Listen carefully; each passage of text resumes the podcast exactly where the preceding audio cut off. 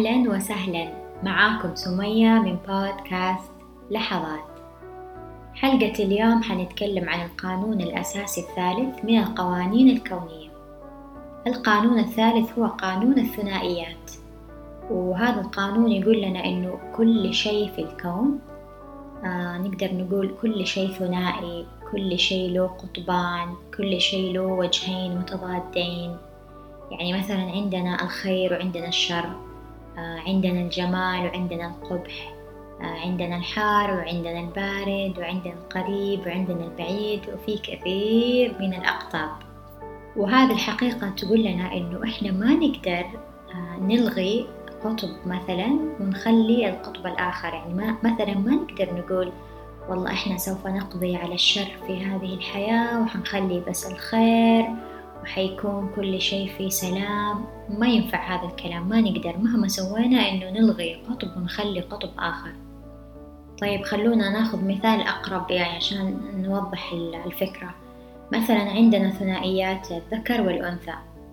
في أشخاص يتحيزوا للذكورة ويسووا آه، جروبات وحقوق المدري إيش الذكر وقصص يعني مبالغ فيها.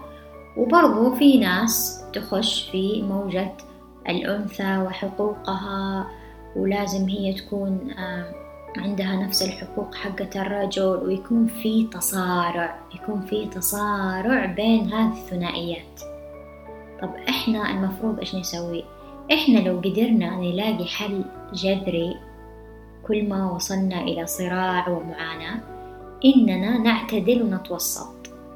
يعني مثلا هل مرة لاحظتوا في حياتكم في أشخاص مرة يعصبوا ويتنرفزوا من الشخص الهادي؟ إحنا نقول الشخص البارد الشخص اللي, رد... اللي ما عنده أصلا ردات فعل ما هو هجومي ما يقدر يدافع كذا بقوة وبصوت عالي وبانفعال.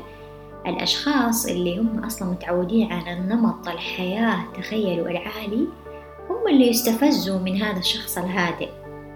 معناته هذا الشخص منحاز إلى الانفعال الهجوم يعني الرتم العالي.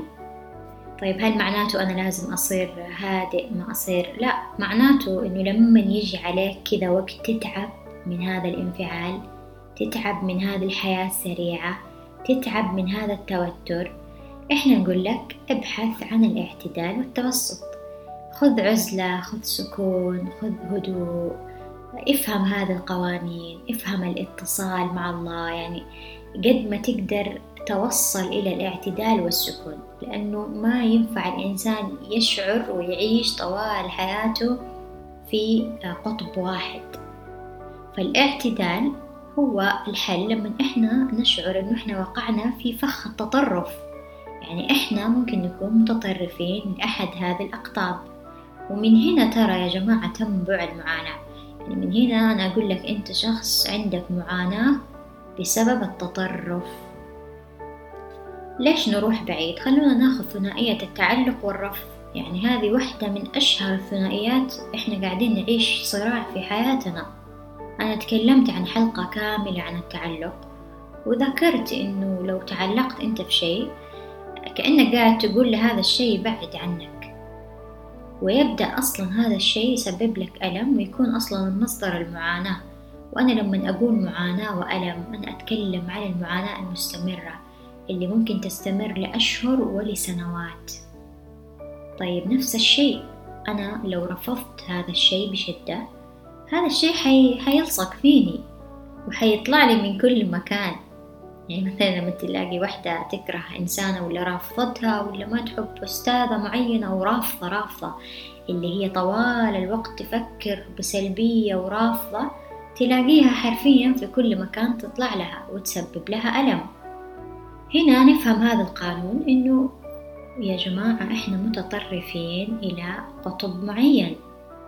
لما تجد إنه في شيء أو في شخص أو في هدف أو في مكان مسبب لك ألم ومعاناة. اعرف إنه أنت شخص متطرف مع هذا الشيء إما مثلا بتعلق أو برفض. طيب قيسوا هذه القاعدة على جميع الأشياء اللي عندكم وجميع الأشخاص. ممكن تكون أهداف مسببت لكم ألم ومعاناة يعني. طيب يا كوتش إيش الحل؟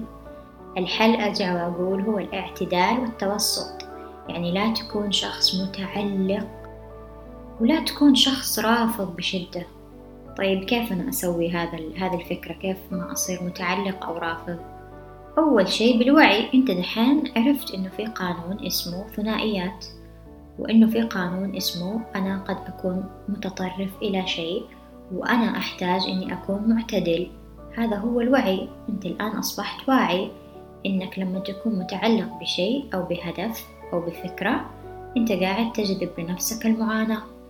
ونفس الشيء أنت لو رافض فكرة أو هدف أو شخص أنت قاعد تجذب هذه المعاناة أكثر وأكثر. طيب إيش علاقة أصلا الرفض بالألم؟ يعني يعني ليش إحنا نقول إنه أنا كل ما رفضت زاد الألم؟ أنت لما تكون واعي وتفهم إنه كل شيء ترفضه بشدة يلصق فيك ويسبب لك ألم يعني إذا تتذكروا الحلقة اللي تكلمنا فيها عن الذبذبات إحنا إيش قلنا؟ قلنا إنه كل شيء إحنا نفكر فيه إحنا بنرسل ذبذبة وبترجع لنا هذه الذبذبة صح؟ طيب تخيل معايا أنت رافض هذا الشيء أنت قاعد أصلا ترسل ذبذبات إيش؟ رفض آه، ألم معاناة أنا ما أبغاه ما يعجبني إيش تتوقع يجيك؟ حيجيك رفض معاناة ألم مضاعف. ما حيجيك سلام وهدوء وأمن لأنه أنت قاعد ترسل هذه الذبذبة.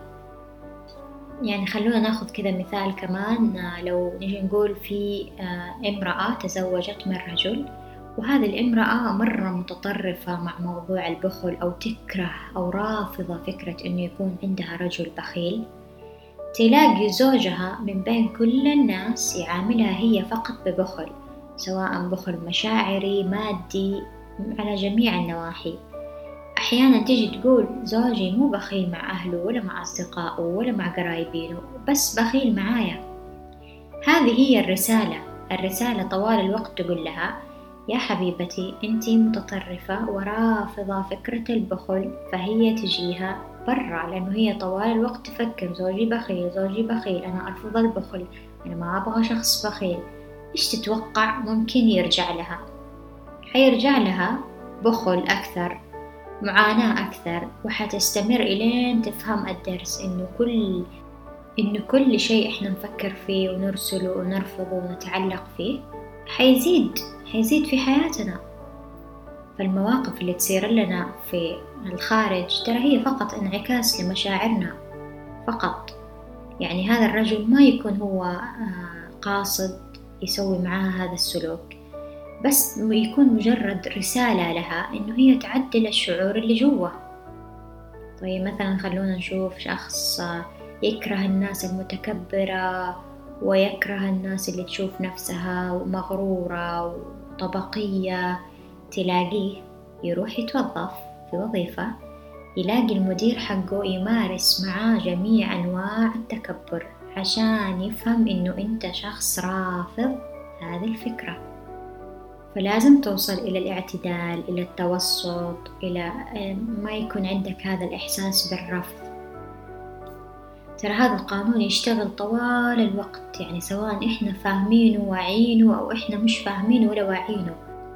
فكويس إنه دحين إحنا صرنا واعيين وفاهمين إنه في قانون اسمه ثنائية وإحنا لما نوصل إلى التطرف في ثنائية معينة حنبدأ نجلب لنفسنا المعاناة وحنبدأ نجلب لنفسنا الألم وحيستمر وما حنقدر نطلع منها.